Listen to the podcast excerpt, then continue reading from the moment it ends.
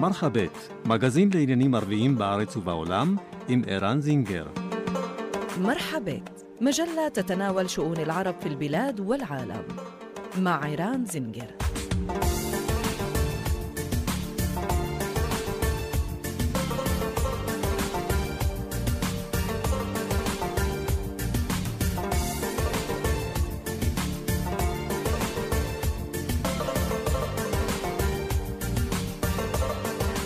עכשיו חמש דקות אחרי השעה שתיים, שלום מאזינות ומאזינים, מרחבה, כאן רשת ב', מרחבת.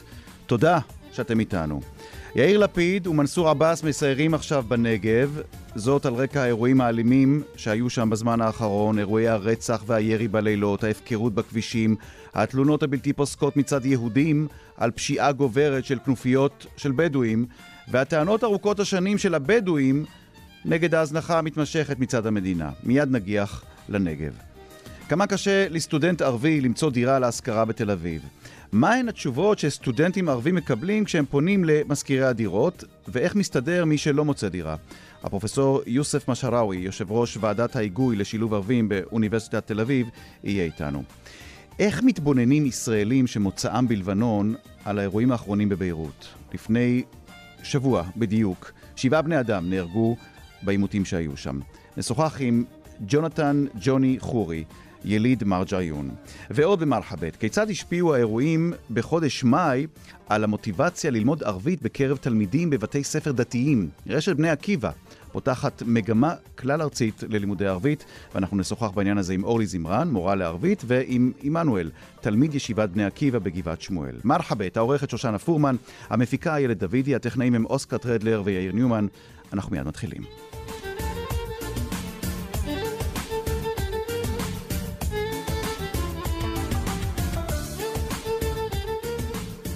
כאמור, אנחנו מגיחים עכשיו תחילה אל הנגב. ראש הממשלה החליפי, שר החוץ יאיר לפיד, מסייר בשעה זו בכפרים הלא מוכרים, והוא עושה זאת אה, בין השאר עם יושב ראש רע"מ מנסור אה, עבאס, אה, יחד עם שר הרווחה וסגן השר לביטחון הפנים.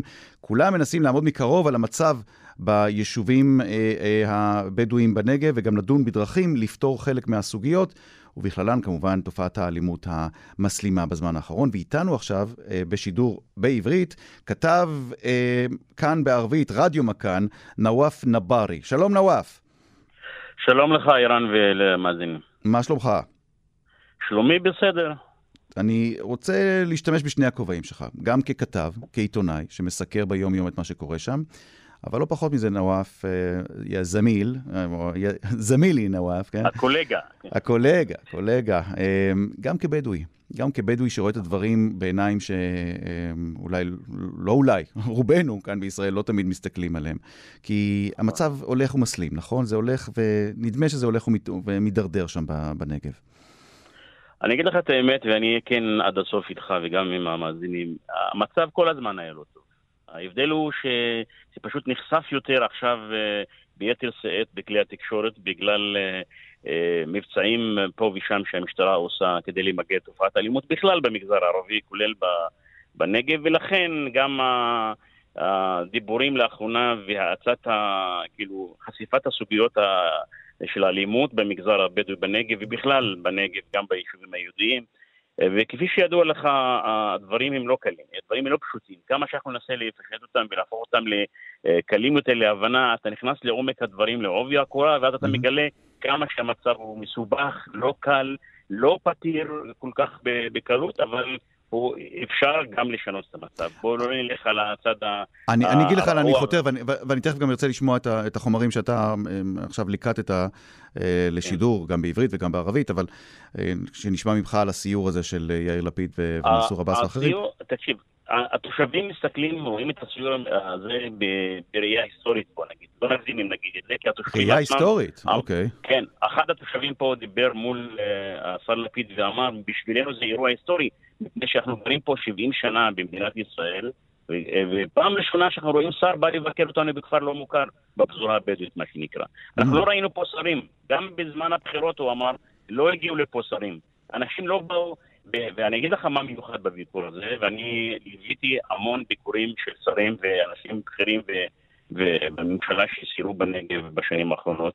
הסיור פה כלל סיור לתוך הכפרים הלא מוכרים, לתוך האבק והדרכים הלא סלולות, והשר לפיד וגם הפמליה שהייתה איתו ראו את הבתים ההרוסים במו עיניהם ליד הדרכים האלה, הם פשוט גם במקרה, לא יודע אם זה היה מתוכנן, עברו ליד אה, אוטובוסים שהביאו, רכבים וטרנזיטים שהובילו תלמידים, ילדים קטנים שהלכו בשבילים שם, והשר ראה אותם במו עיניו, לא שמע ולא ראה בטלוויזיה, הוא שמע בתקשורת, mm. וזה היה מאוד חשוב שזה היה בלתי אמצעי. אבל אני, אני רוצה להתמקד איתך בנקודה הזאת, נואף נברי. כן. על מה, על מה יאיר לפיד מסתכל, או על מה הוא אמור להסתכל בעיניכם? על, על, אה, על בתים שנהרסו, על כך שאין שם תשתיות אה, חשמל ומים כפי שדרוש, או מצד שני, על העובדה שיש בנייה לא חוקית. יש המון המון בנייה לא חוקית בנגב, לא מוסדרת, מה שמגביר את המתיחות בין המדינה לבין התושבים ביישובים הלא מוכרים. על, על מה מסתכלים שם עכשיו?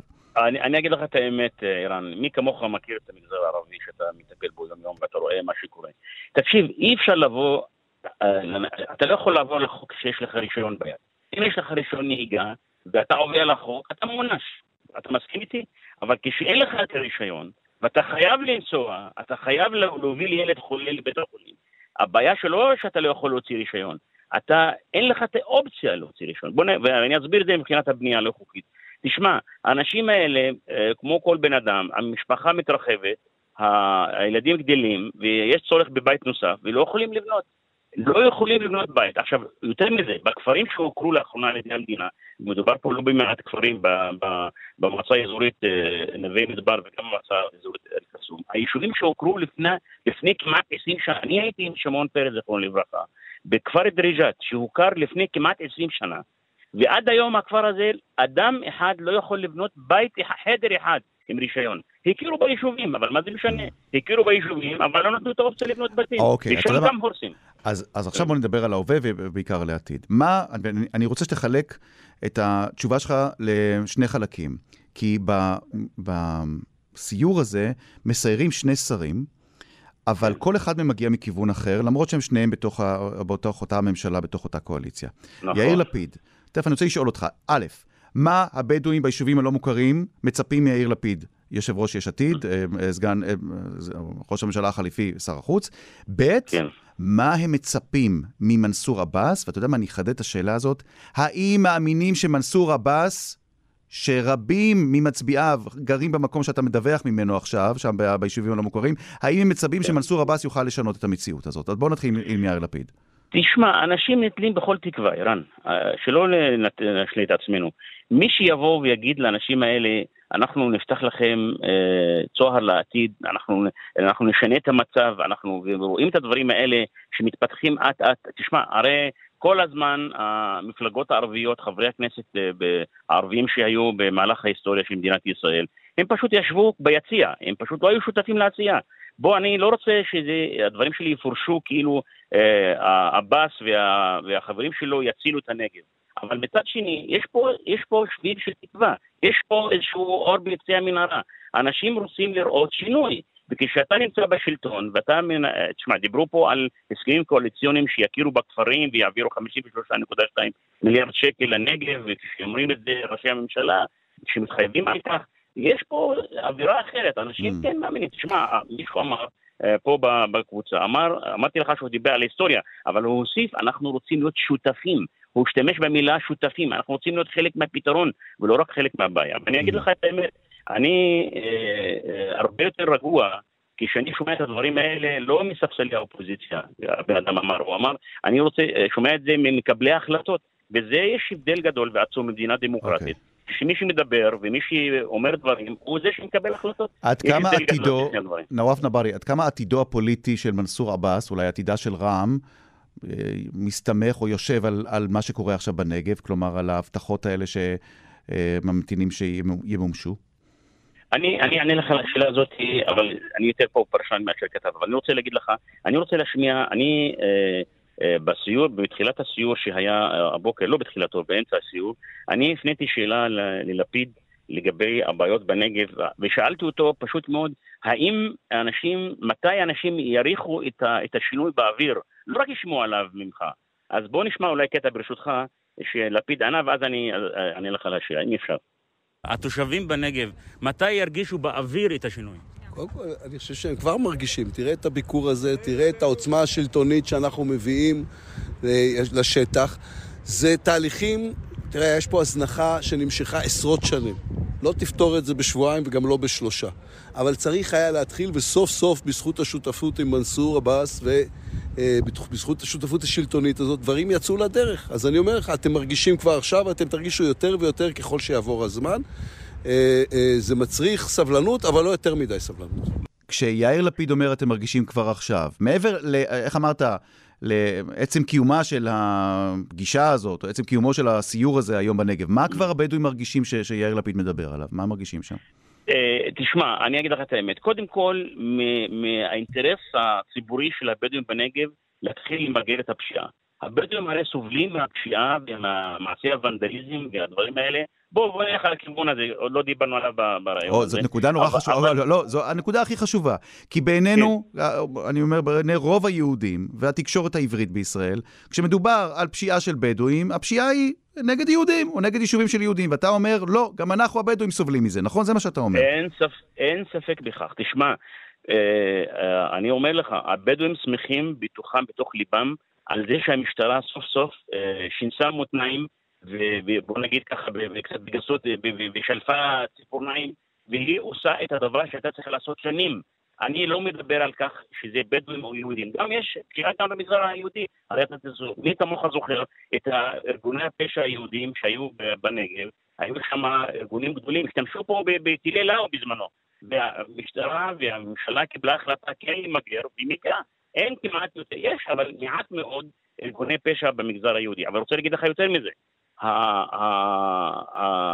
העשייה המרובה שהמשטרה התחילה עכשיו, לא חשוב מה הרקע, רקע לחץ של רשויות, לא חשוב, היא טובה גם לבדואים. תשמע, אנחנו גם סובלים מירי בלילה, אנחנו סובלים גם, גם מוונדליזם בתוך היישובים. אנחנו, תשמע, אותן חברות הן לא חברות מתחלפות. זה אותם אנשים שעושים את הבלאגן בבאר שבע, הם עושים. הם גם, כשיש להם זמן, הם מתפנים בשבילנו, הם גם לחגוג אצלנו הם עושים את זה ביישובים. Mm. והרוב האזרחים הבדואים הם תושבים נורמטיביים, תושבים שרוצים לחיות בשקט ובשלווה, לקבל את הזכויות שלהם, ולעשות את העשייה. כן, אני רוצה ממש בהקשר הזה לשאול אותך, נרוב טברי, כי עכשיו כן. יש דיון במסגרת הדיונים על אה, התוכנית הממשלתית למאבק בפשיעה, מדברים בין השאר על כך שהשב"כ יתערב, צה"ל יתערב, אה, להכניס כן. כוחות מג"ב. כמה הבדואים למשל, אה, כמה אתה שומע, אתה כבדואי והשכנים שלך והסביבה שלך, הבדואים, מעוניינים ששב"כ ייכנס או יתערב בתוך הסיפור הזה של, של המלחמה הזאת, של האנדרלמוסיה הזאת שמשתוללת שם בדרום? תשמע, אני אגיד לך את האמת, שירות הביטחון הכללי, השב"כ הוא אמון על ביטחון הציבור. בוא, בוא נתחיל מזה. ביטחון הציבור, חלק ממנו גם לשמור על חייהם של אנשים. יכול להיות שהחלוקה החוקית שהמשטרה היא על הצד הפלילי והשב"כ הוא על הצד הביטחוני, היא קצת מטשטשת כשאנחנו מדברים על רצח יומי של אנשים. האנשים האלה עד היום, עד איפה הגענו? אני לא מספיק לספור אותם. 107 עכשיו, הגענו ל-107 מתחילת השנה במגזר הערבי. תלוי את מי אתה שואל, כן, אבל זה יותר מ-100 זה בטוח, נכון. בטוח, אבל אני חושב שזה 107 לפחות. חס ושלום, אולי בתוך כדי השיחה הזאת יעלה לי 108. לא, לא, אני רוצה להגיד לך, אני, אני, אני, אני מאוד, אני, הגוף שלי רועד כשאני מדבר ככה, אבל המציאות היא קשה מאוד. אני חושב שהרוב המוחלט שלהם, חוץ אולי מחלק מהפוליטיקאים, שיש להם אינטרס אה, מסוים לא לתמוך ב... בצד הזה, אני חושב שרוב האוכלוסייה רוצים שלא חשוב מי, מישהו יבוא וישים קץ למצב הקיים. יקראו לו השב"כ, יקראו לו המשטרה, יקראו לו לא יודע מה, לא חשוב מי. חשוב הוא שאנשים, תשמע, ערן, אתה צריך לבוא אה, אליי הביתה בסופי שבוע במיוחד, ולשמוע את המוזיקה שנקראת ירי. תשמע, זה, זה מונולוג לא מסתיים. ולצערי, זה לא רק ההפרעה בילדים והפחדה וכל הדברים האלה. זה גם, uh, הנשק הזה זולג לארגוני פשע ולסכסוכים משפחתיים ולרצח ולרצח חוזה ונקמת דם ובסופו של דבר, אני אומר לך, זה לא טוב לבדואים, זה רע מאוד לבדואים, אבל גם רע מאוד לנגב וגם טוב. לכל המדינה. לטובתה של המדינה שהאנשים האלה uh, יחיו חיים נורמטיביים, יהיו חלק מהעשייה הכלכלית uh, בנגב. אנחנו אוכלוסייה של 34% מהנגב, יש לנו פוטנציאל כלכלי אדיר שהוא פשוט מתבזבז. רוב האוכלוסייה הבדואית היא אוכלוסייה צעירה. גם, זהו, אתם אוכלוסייה מאוד צעירה, לדעתי הצעירה ביותר בישראל, נכון? נכון, ו- ונתונים נפלאים לגבי העשייה. אבל מה לעשות שהאנשים האלה, חלקם מסתובבים מובטלים, וחלקם מתוסכלים, וחלק אחר, החלק שזכה אולי לחינוך ודברים כאלה, או שהוא נסע לצפון ולמד, או שהמשפחה שלו גרה ביישוב יהודי, כן. אבל הרוב המכריע של האנשים חיים בתנאים, תת-תנאים, במיוחד 150 אלף תושבים של, הש... של היישובים הלא מוכרים, שסובלים יום-יום. אנחנו נואף. רוצים לעזור למדינה, והמדינה תעזור לנו לשים קץ למצב הזה. יבוא לפיד, יבוא בנט אולי, אבל בסופו של דבר יהיו דברים מעשיים שאנחנו נרגיש אותם בשטח. מאוד שמחנו לשוחח איתך. אה, הארת תודה את, רבה אה, לך, את. אה, עינינו ואת אוזנינו. אה, נבארי, תודה רבה, אשמח כתב אה. כאן בערבית רדיו מכאן. שוכרן ג'זילה, נתיק אל-עפיה, וכמובן, אה. ניפגש רק בנסיבות משמחות. תודה, נואף נבארי. תודה רבה לך. ומהנגב אנחנו עולים אה, צפונה לתל אביב, לאוניברסיטת אה, תל אביב, ואיתנו הפרופסור יוסף משאראוי. שלום לך, אדוני. שלום לך ירם ולכל המאזינים היקרים. יושב ראש אה, ועדת אה, ההיגוי לשילוב סטודנטים אה, ערבים באוניברסיטה. אה, בשבוע שעבר שוחחנו כאן עם אשרף ג'בור, אה, המנהל של תוכנית אה, רואד, שעוסקת בעיקר במאמץ לסייע לסטודנטים או לצעירים שרוצים להיכנס לאקדמיה הישראלית, לעבור או לחצות את מחסום השפה, את מחסום השפה העברית. ואיתך אנחנו רוצים להמשיך את הסיפור, אבל מזווית אחרת. אתה, אתה למעשה מרכז את כל הבעיות של הסטודנטים הערבים באוניברסיטה, באוניברסיטת תל אביב. אה, אתה יודע מה? בוא נתחיל לדבר במספרים. כמה סטודנטים ערבים יש בתל אביב, ומה מה שיעור הסטודנטים הערבים מתוך האוכלוסייה הכללית? א', אה, באמת, אה, כמות הסטודנטים הערבים תל אביב בערך 3,500 סטודנט, וזה בהחלט כמות רצינית מאוד, שהייתה יכולה להיות הרבה יותר רצינית לולא הנושא שדבר עליו תכף. אוקיי. אז אתה יודע מה, בוא נדבר על... אתה מדבר על חסמים. על- מחסום השפה או חסם השפה, עסקנו בהרחבה בשבוע שעבר. אני רוצה ברשותך להתקדם לחסמים עיקר- אה, אחרים שאתה נתקל בהם בעבודתך מול הסטודנטים הערבים בתל אביב. תשמע, כרגע החסם המאוד אה, באמת בעייתי, כי אחרי שהם עברו את החסמים של השפה וכלכלה, הם מוכנים ורוצים לבוא, יש פה מאות סטודנטים שמתקבלים, אה, עברו את כל הקשיים, ועכשיו אין להם איפה לגור. למה אין איפה לגור? כי יש לנו מעונות, יש לנו אה, באמת כמות מעונות אה, די אה, מבורכת, אבל הבעיה היא שיש הרבה יותר דרישה מאשר המעונות שקיימים. ולכן נוצר מצב שיש כמעט 800 סטודנטים שמחכים בהגרלה אחרי שכבר חולקו הסטודנטים למעונות, ואנחנו נמצאים בבעיה רצינית בעניין הזה, וזה באמת, באמת הופך להיות אה, בעיה שהיא אקוטית. פרופסור משאראוי, אז התחלת להגיד שלסטודנטים הערבים, שהם 14% מה, אה, מה, מכלל הסטודנטים באוניברסיטת אה, תל אביב, יש הרבה מאוד אה, בעיות, והבעיות האלה בעיקר נוגעות לדיור. איזה תשובות הסטודנטים מקבלים? מה הסטודנטים מספרים לך? בסך הכל הסטודנטים נמצאים במצב שאין להם תשובות אישיות, כי הם מנסים לשכור דירות במקום מעונות. ואז אנחנו נמצאים במצב בעייתי מאוד, שבו אנחנו נמצאים אה, באזור תל אביב, ואני אגיד את זה בצורה ישירה, ולסטודנטים הערבים מתקשים מאוד לשכור דירות בתל אביב. ואז אנחנו נמצאים בבעיה כפולה, לא רק שהם אה, מוכנים ובאים ומנסים, גם האוכלוסייה המקומית, לצערי חלקה, נמנעת מלהשכיר סטודנטים לסטודנטים אה, ערבים אה, דירות. ואז באמת המצב הופך להיות הרבה יותר כללי ולא רק נקודתי אישי. ופה בעצם הבעיה העיקרית. מה אנחנו יכולים לעשות? והפעילות שלי מאוד מאוד ברורה בעניין הזה. אנחנו חייבים ליצור מיזם משמעותי לאלפי סטודנטים שמגיעים למרכז, שרוצים לשכור דירה, חדר. והחדר הזה, אתה יכול גם לבנות, לבנות באמת, ליצור איזשהו אזור שבו מיועד לסטודנטים, לא רק מאוניברסיטת תל אביב, שיאפשר להם לשכור במחיר שהוא לא זול, 2,000, 2,300 מעונות, זה לא דבר זול, ואני בטוח שאפשר לפתור את הבעיה בצורה כזאת. פשוט צריך לקרוא בקריאה מאוד רצינית בעניין הזה. הדוגמה השנייה שקשורה לזה באמת, בהקשר של אה, פניות ברשתות החברתיות, אני פניתי אישית, אפילו בפייסבוק, וביקשתי מאנשים, באמת, אנחנו מדברים על אוכלוסייה חזקה, אוכלוסייה אה, משכילה, אוכלוסייה שיכולה לשנות פני דברים בחברה שלנו, ערבית ויהודית, ולבוא לתמוך בהם. זה לא, לא מדובר פה באיזשהו, אה, באמת, אה, הפריפריה הבעייתית ביותר, הסוציו-אקונומית הבעייתית ביותר. אנחנו מדברים באוכלוסייה שרוצה להשכיל וללמוד ולהתפתח, וכדאי שכולנו נירתם לזה, אם זה עירייה, אם זה אנשים, אם זה חברה, חברה, חברה אה, אנושית, אם זה האוניברסיטאות כמובן, אני מאמין שזה פשוט צריך להחליט לפתור את הבעיה הזאת, כי זה הולך ומחמיר לצערי הרב. ואני באמת קורא פה אוקיי. לשיח מקרב שיפתור את הבעיות האלה, כי זה הולך ומחמיר, נקודה. פרופסור משראוי, אני נאלץ לסיים איתך את השיחה, אנחנו נמשיך אותה בעתיד, שאיכות הקו שלך תהיה טובה יותר. תודה רבה לך אה, על הדברים האלה.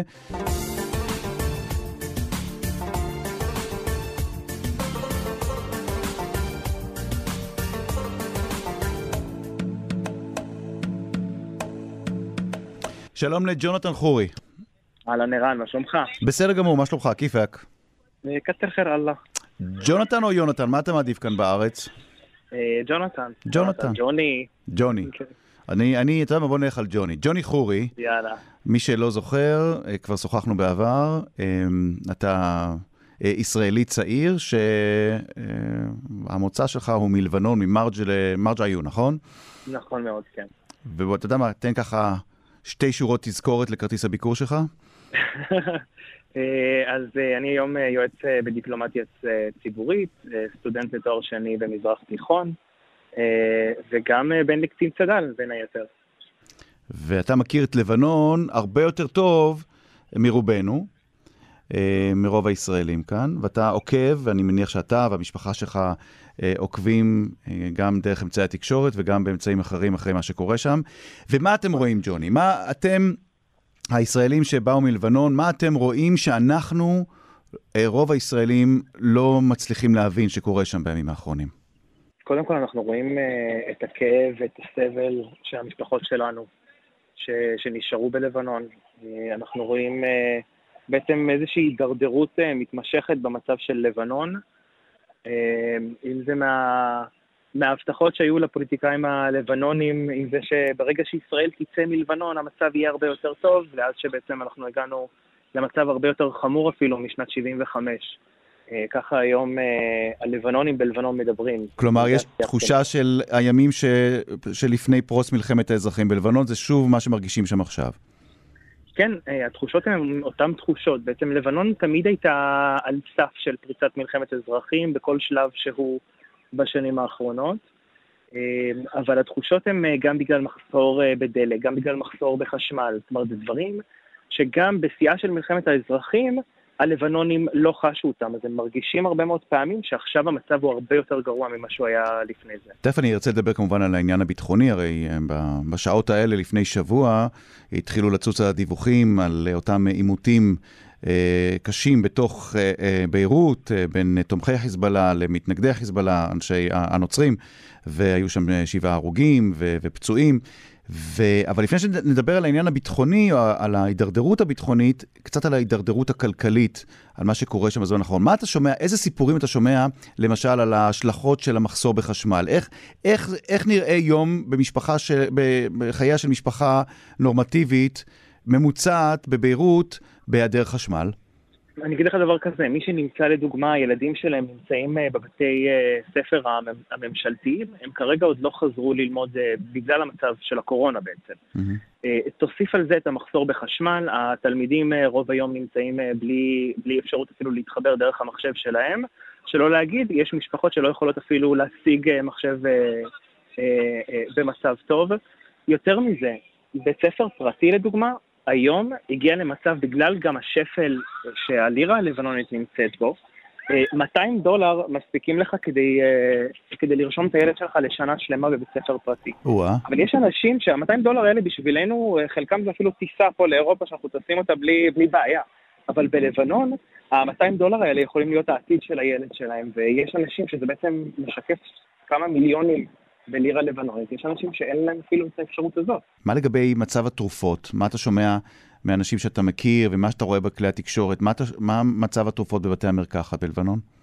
אה, המצב אה, לא טוב בלשון המעטה, יש מחסור אה, רציני, אם זה באנטיביוטיקה, אם זה בתרופות לחולי סכרת, וזה תרופות שמצילות חיים. זאת אומרת, גם אנשים מבוגרים שיש להם כל מיני מחלות רקע או מחלות כאלה ואחרים, שחייבים את האנטיביוטיקה הזאת כדי שהם יוכלו אפילו לשרוד את היום-יום. זה לא רק אה, בגלל איזושהי דלקת שיש להם. אה, וזה מצב שלצערי הרב אנחנו פה בישראל גם חווים אותו, כי אנחנו באיזשהו, באיזושהי צורה כל כך קרובים אליהם, אבל אנחנו לא יכולים לעזור. אין לנו פה אפשרות גם להשיג תרופות מרשם ולשלוח אליהם, כי זה תרופות מרשם. ומצד שני אנחנו מנסים להפעיל כל מיני דברים מאירופה אפילו, כדי לנסות ולעזור באיזושהי צורה, לא רק למשפחות שלנו, mm. אלא באופן כללי לכמה, אבל היד שלנו קצרה. אני לא רוצה, ש, ש, אני לא רוצה שתפרט יותר מדי כדי לא לפגוע ב, ב, כן. באנשים, אבל מגיעים מסרים מלבנון ללבנונים לשעבר שחיים כאן בארץ, שאומרים תעזרו לנו? המסרים האלה הגיעו לאורך כל השנים, זה לא רק אה, ייחודי לשנים האלה. ההידרדרות הביטחונית, אה, אם זה בדרום לבנון, היא כבר קיימת, אה, היא ממשיכה להידרדר מאז מלחמת לבנון השנייה בעצם.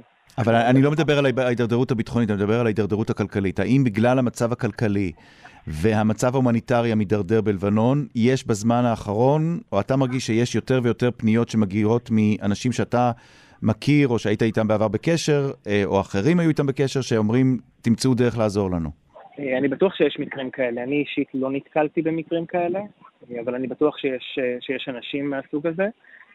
אבל רבים מהם לא, לא מדברים על זה בצורה פומבית בשום צורה, אז גם mm. אם קיבלו פנייה, הם, הם לעולם לא יגידו את זה. ברור, ברור. מחשש באמת לפגוע ב, בשלומם. בואו נדבר שנייה על מה שקרה לפני שבוע. על העימותים בין uh, uh, הנוצרים לבין תומכי חיזבאללה. עד כמה זה עניין טייפי? עד כמה זה עניין עדתי? עד כמה יש פה באמת עניין טהור של uh, uh, נוצרים נגד שיעים, או שאי אפשר לעשות את החלוקה הזאת בלבנון, כי המצב הוא יותר מורכב מזה?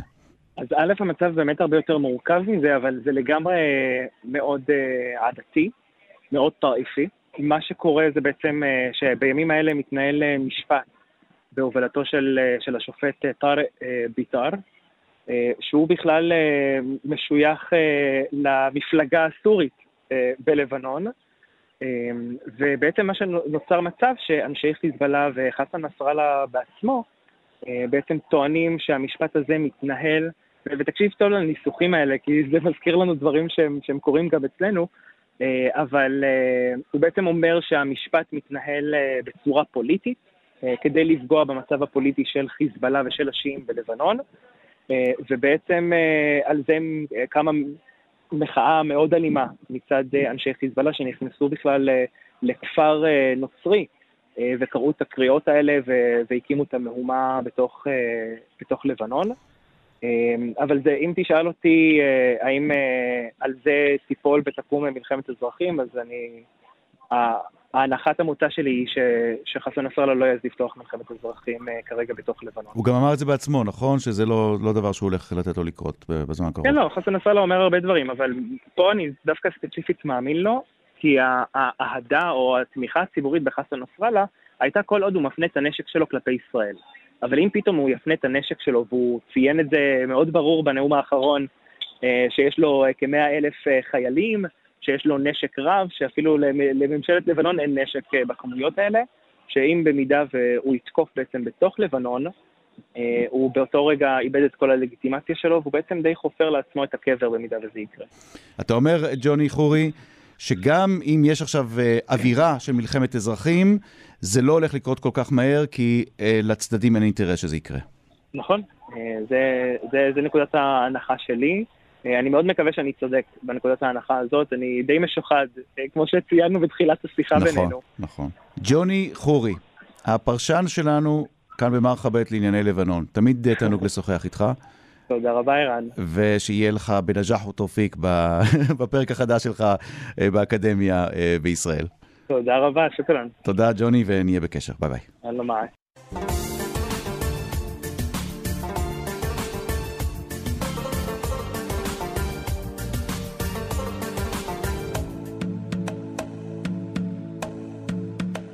אנחנו עכשיו אל אה, שמעסיק אה, הרבה הרבה מאוד יהודים כאן בישראל. השפה אה, הערבית, אה, ואיתנו אה, שניים בנושא הזה. יהודים, כמובן, שלומדים את השפה הערבית. לא רק יהודים חילונים, גם יהודים חובשי כיפות, יהודים דתיים. רשת בני עקיבא פתחה מגמה כלל ארצית של לימודי ערבית, ולומדים בה יותר מ-30 תלמידים. וזו החלטה של הרשת לעודד לימודי ערבית דווקא לאור המתיחות והאירועים האלימים שהיו בערים המעורבות מאז אז בחודש מאי. איתנו שניים. אורלי זמרן, שלום. שלום, שלום. אורלי זמרן, מרחבה, מורה לערבית, ועמנואל, תלמיד מישיבת בני עקיבא. שלום עמנואל. שלום, שלום. אז את יודעת מה, אורלי, בואי, אני רוצה ברשותך שנייה לפנות לעמנואל. עמנואל, בן, בן כמה אתה? אני בן 15. כן, ומתי בפעם הראשונה בחיים נחשפת לשפה הערבית? באמת מאז שאני צעיר, סבתא שלי עולה מלוב, והיא שפה ערבית על בית ספר שהייתה אצלנו בבית של סבא וסבתא, ומאז שאני קטן זו שפה שמאוד מאוד מושכת אותי. אוקיי, אבל זה שהשפה מושכת אותך, זה עדיין לא אומר שאתה לוקח את עצמך והולך ללמוד אותה, נכון? נכון, ברור שיש סיבות. זאת לא הסיבה העיקרית מעבר לזה שזו שפה מדהימה לפי דעתי. אני אישית מאמין שבשביל יום אחד שתהיה הידברות בינינו לבין השכנים שלנו, כל אחד יצליח לדעת בשפה אחת של השני, כדי להגיע להידברות מסוימת בסיסית בינינו לבין השכנים, וזה הצעד הראשון. אתה חובש כיפה, נכון? כן. אתה יהודי דתי, לומד כן. בבני עקיבא. כמה אתה מכיר יהודים חובשי כיפה בבני עקיבא, מתעניינים בערבית, לומדים ערבית? אני מכיר, יש לי הרבה חברים שמתעניינים, יש חלק שרוצים את זה בשביל תפקיד בצבא, יש חלק שרוצים את זה סתם כדי לדעת את השפה. כל אחד והסיבה שלו, יש אלף ואחת סיבות כדי לדעת, לרצות לדעת את השפה הזאת. מה הסיבה, ש... איזה עוד סיבות אתה שומע מ... מאחרים שהם חובשי כיפה או, או נערות דתיות שהחליטו ללמוד את השפה? בעיקר כדי להגיע לתפקיד נחשק בצבא, ובשביל שיהיה להם את הבונוס הזה, את הכוח, וידע שהוא כוח מטורף לדעת את שפה, במיוחד בשפה שכל השכנים שלך משתמשים בה. האם, אני, אני רוצה לשאול אותך שאלה ששאלתי מרואיין קודם קודם, האם אירועי חודש מאי, אירועי שומר חומות, בערים המעורבות, גרמו לך עמנואל, להסתכל אחרת על הצורך ללמוד ערבית? להסתכל אחרת במובן החיובי. אני מכיר חבר'ה ספציפיים שאירועי חודש מאי גרמו להם לרצות ערבית בשביל להיות בטוחים יותר, אולי בשביל לדעת את השפה של האויבים שלך. אני רוצה לדעת את, את השפה הערבית בשביל לפתור יום אחד את המצב הזה, אני מקווה, ושהאירועים האלה לא יחזרו על עצמם. זו שאיפה גדולה, אבל צעד קטן. עכשיו, מה, תכף אני פונה אל, אל אורלי, המורה לערבית, אבל עמנואל, מה, מה אתה רוצה להשיג עם הערבית? איזה רמה של ערבית אתה רוצה? אתה יודע מה, אני אשאל אותך דוגרי, כן? מה אתה חושב שתשיג עם הערבית הזאת? אתה, אתה באמת תלך ותראה ערבים ברחוב ותדבר איתם, או שיותר חשוב לך לשמוע מה הם אומרים ולהבין מה הם, אומרים כש, כשמדברים לידך או מאחוריך? לא, לא, זה לא מה שמעניין אותי. מעניין אותי לדעת ערבית בשביל לקחת את זה לחלק דיפלומטי יותר, והאמת, דיברנו על זה, אני וחברים שלי לומדים את זה במשותף. דיברנו על זה בהתחלה, זה יכול להיות קצת מצחיק, אבל אנחנו רוצים את זה כדי לרחל ליד אנשים ושלא יבינו. אוקיי. טוב, תישאר איתנו על הקו. אורלי זמרן. כן.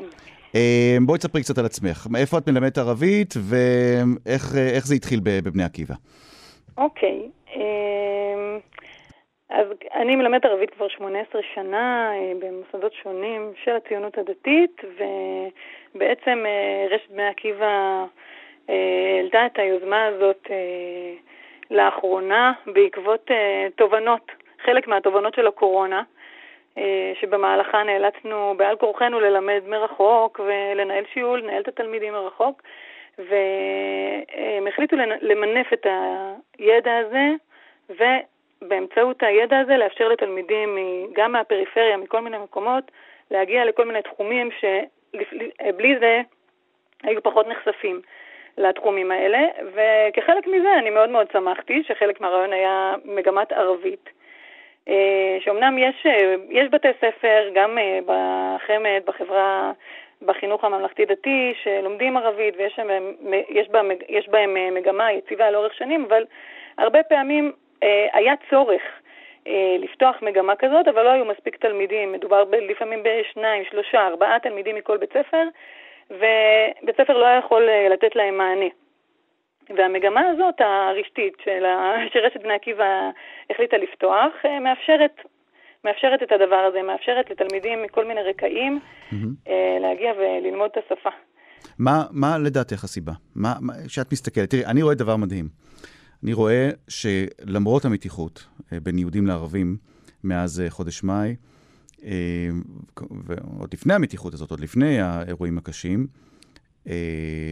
המון המון המון קורסים פרטיים, המון יהודים שהולכים לקורסים פרטיים ללמוד ערבית, א', כדי לפצות על מה שהמערכת החינוך לא נותנת, וזה לימודי ערבית מדוברת בתוך מערכת החינוך. יש לימודי ערבית מדוברת, אבל לא, כנראה לא מספיק ולא ברמה מספיק טובה.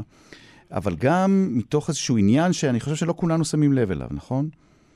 אה, נכון. קודם כל, יותר ויותר אנשים מבוגרים אה, מבקשים ללמוד את השפה. אה, בכל מיני מגזרים, גם במגזר הציוני-דתי. אני יכולה לתת דוגמה מגוש עציון שבו אני גרה, שלי עצמי יש שתי קבוצות של תלמידים מבוגרים שלומדים בחריצות כבר כמה שנים, ובעצם רוצים לתקשר עם, ה, עם השכנים, עם האוכלוסייה שאנחנו באים איתה במגע יומיומי, האוכלוסייה הפלסטינית. וערבית מדוברת, לגבי מה שאמרת, גם אה, זה יותר ויותר נכנס גם לתוכנית הלימודים הרשמית אה, בבתי הספר, והיא מאוד מאוד אה, חשובה. גם לי אישית חשוב שתלמידים יצאו עם ערבית מדוברת ולא רק עם ערבית ספרותית אה, כמו שהרבה, כמו שלי קרה בעצם, אני ככה הרגשתי הרבה שנים שלמדתי ערבית, ואחרי תואר ראשון ושני לא העזתי ללכת ולפתוח את הפה ולדבר עד שלקחתי את עצמי בידיים ו... ולימדתי את עצמי ערבית, ונעזרתי כמובן פה בשכנים ומכרים מהסביבה, mm-hmm. וזה נורא נורא חשוב לי, שתלמידים אה, יוכלו גם להשתמש בשפה הזאת. כמה את נתקלת, אורלי, אורלי זמרן, מורה לערבית, כמה את נתקלת ב... בעניינים הפוליטיים, כשאת מלמדת, כשאת מלמדת ערבית אה, בכיתה שהתלמידים הם תלמידים דתיים ודתיות, כמה, כמה הסוגיה הפוליטית של יהודים ערבים עולה לדיון בתוך כדי לימודים, או שזה בכלל לא קשור, אנשים מניחים את הפוליטיקה בצד ואומרים, עכשיו לומדים ערבית, תעזבו אותנו מפוליטיקה. כמה זה קורה, אם בכלל? הסוגיה הפוליטית קיימת, אה, יותר קיימת הסוגיה החברתית. אמ, אמ, יש אה, נטייה לתפוס את החברה הדתית-לאומית אולי כפחות אה, פתוחה ופחות מכילה, אבל קודם כל, אה, גם בחברה הדתית יש הרבה מאוד גוונים, ויש שם, יש, יש בה הכל, כמו בחברה mm-hmm. הכללית, mm-hmm. אבל גם יש בה גם תהליכים חיוביים שקורים של יותר פתיחות ורצון להכיר את האחר. אז מגיעים גם לפוליטיקה לפעמים, אבל בעיקר זה הרצון להכיר יותר את החברה, ויש רצון כזה. ואני מאמינה שככל שלומדים יותר את השפה, מכירים יותר את האוכלוסייה, את התרבות, אה, וזה אה, לפעמים גם משפיע, שוב, אני לא יודעת פוליטיקה, אבל זה משפיע על, אה, על הרבה דברים. אתה דיברת קודם על, שאלת את עמנואל אם הוא רוצה לדעת ערבית כדי לדעת מה מדברים עליו. הרבה פעמים התחושות בהתחלה של אנשים זה תחושות של חוסר ביטחון כשהם שומעים שמדברים לידם ערבית.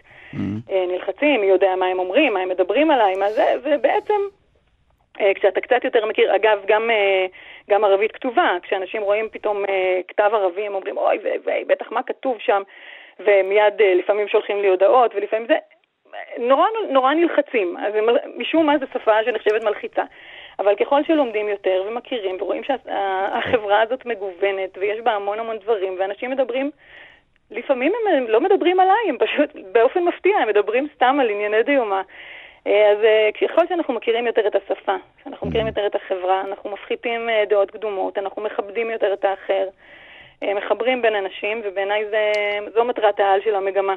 עמנואל, מה אתה יודע להגיד כבר בערבית? אתה בן 15 נזכיר, וגם אתה לומד בכיתה הזאת במסגרת המגמה של לימודי ערבית בבני עקיבא. מה אתה יודע כבר להגיד בערבית? אמ, כל מיני משפטים בסיסיים של יום-יום, אה, בוקר טוב, איפה אתה נמצא, איפה אתה גם, איפה הגעת. רגע, רגע, עמנואל, זה נורא פשוט להגיד לי את כל הדברים האלה בעברית. אה, בוא נשמע אותך בערבית, בשביל מה אתה חושב שהזמנו אותך ולדבר בעברית? יאללה, יחכי בערבית, דבר בערבית. מה אתה כבר יודע להגיד בערבית? אה, אנא עמנואל, אצלי עמנואל.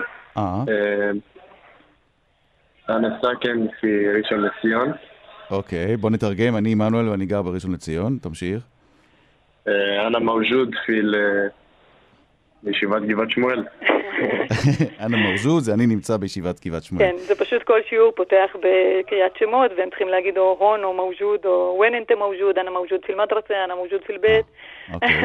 כמה את עושה חלוקה אה, או איזון בין אה, אל-מחכיה, יעני אל-עמיה המדוברת, לבין הפוסחה הספרותית? אוקיי, תראה, באופן בסיסי, הערבית שנלמדת היא ערבית ספרותית. גם אנחנו, עמנואל באמת למד אולי ארבעה שיעורים עד כה. אז זה יפה שהוא מצליח ככה גם, גם לדבר. אנחנו עושים את, ה, את ההתחלה של הלימוד קריאה וכתיבה, אז לפעמים הקריאה והכתיבה זה לא בדיוק המילים הכי נפוצות ושימושיות בשפה, אבל תוך כדי באמת חשוב לי גם שיהיה להם, נגיד, את כל הברכות, כמובן להגיד בערבית, ועם השנים כשהאוצר מילים קצת יותר משתכלל, אז לומדים, אה, אה, לומדים איך אומרים את המילה הזאת בערבית ספרותית, אבל דרך אגב, במדוברת זה נשמע קצת אחרת. נגיד, אה, אני מלמדת את המילה סריר, ואני אומרת לכם, דעו לכם שבערבית מדוברת זה זריר, וכל פעם, וכשמדברים על שייכות, אז לפעמים זה קצת מבלבל, אבל אני פתאום אומרת להם, אוקיי, נכון, למדנו כיתה בוקה, כיתה בוקי, אבל אתם זוכרים שבהתחלה, בהתחלה שאלנו שוי סמק, שוי סמק, אז גם, גם, גם שמות העצם האחרים, בעצם בערבית המדוברת יש להם את הכללים האחרים. והרעיון היום, ואני מאוד מתחברת אליו, הוא לשלב את הערבית המדוברת והספרותית. הרי אוצר המילים, בגדול, הוא אותו אוצר מילים. אז יש קצת שינויים בהגייה, בתנועות ובחלק מאוצר המילים, אבל בסוף זה מתחבר. ואני כל הזמן אומרת לתלמידים ולתלמידות שלי, ש... דברו, תגידו משפט, גם אם הוא חצי במדוברת, חצי בספרותית וחצי במילה בעברית שלא ידעתם את ה... או שליש, סליחה, שלא, זה לא מדויק מבחינה מתמטית, אבל uh, מילה בעברית שלא ידעתם את, ה, את הפירוש שלה, זה בסדר, העיקר שתדברו, תנסו okay. אוקיי. לדבר. אז, ו... אז אתה יודע, הנה, זה המקום לשאול את עמנואל, אה, התלמיד. Mm-hmm. אתה, אתה מרגיש... אתה מרגיש שאתה מסוג... כלומר, מעבר למחסום הפוליטי, כן, של לימודי השפה, אתה מרגיש גם שיש, נגיד, שזה קשה לך לדבר ערבית, כמו שלמשל קשה להרבה מאוד יהודים בישראל לפתוח את הפה ולדבר אנגלית, כי אנחנו כולנו מבינים אנגלית מצוין, הרבה מאוד מאיתנו, לא רוצה כולנו, אבל רבים מאיתנו יודעים אנגלית מצוין, לשמוע ולהבין מה אומרים, אבל נורא קשה לנו לפעמים לפתוח את הפה ולחשוש שמישהו ישמע את המבטא שלנו וזה יישמע קצת מצחיק. אתה, אתה, יש לך את האומץ לעשות את זה ולדבר בערבית? ברגע שתדע יותר את השפה?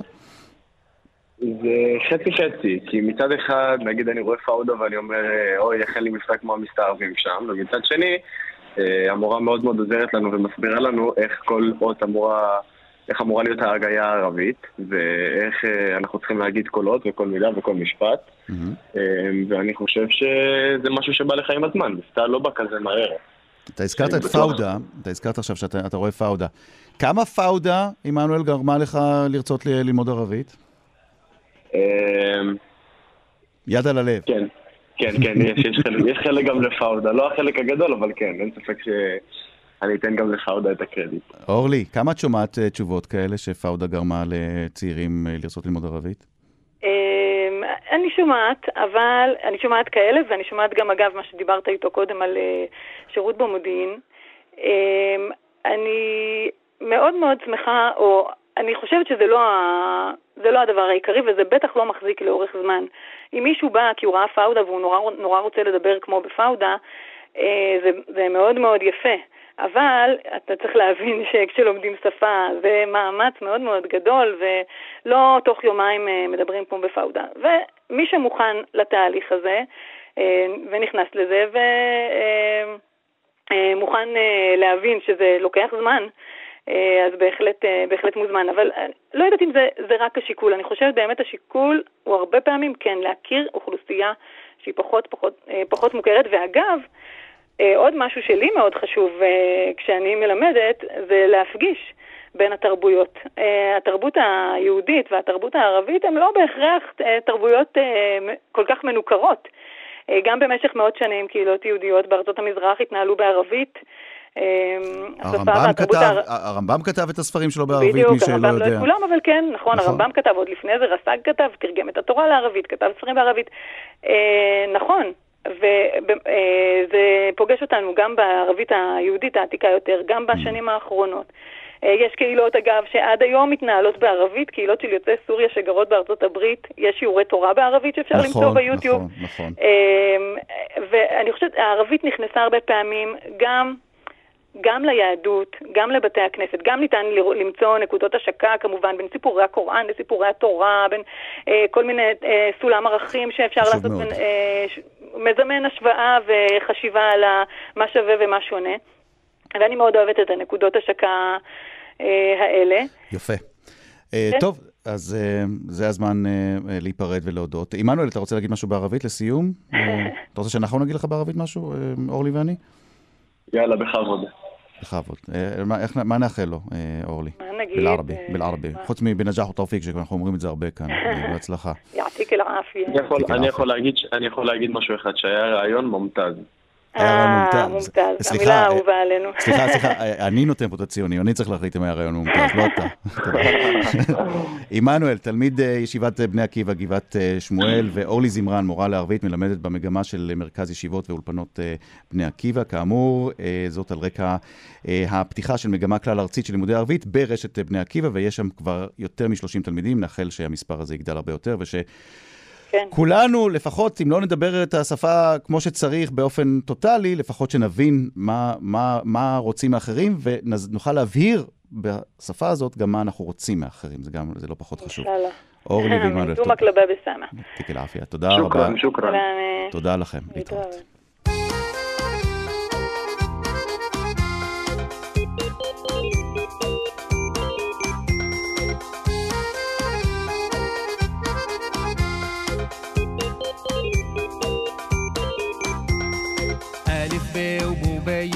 قلم رصاص ومحاية أنا بكتب على اللوح وأنتو بتقروا وراي ألف ب وبوبية قلم رصاص ومحاية أنا بكتب على اللوح وأنتو بتقروا وراي حرف الألف أمي حرف الب بي حرف الت تيتا حرف الث. ثريا. يا عيني كيف مضواية ألف ب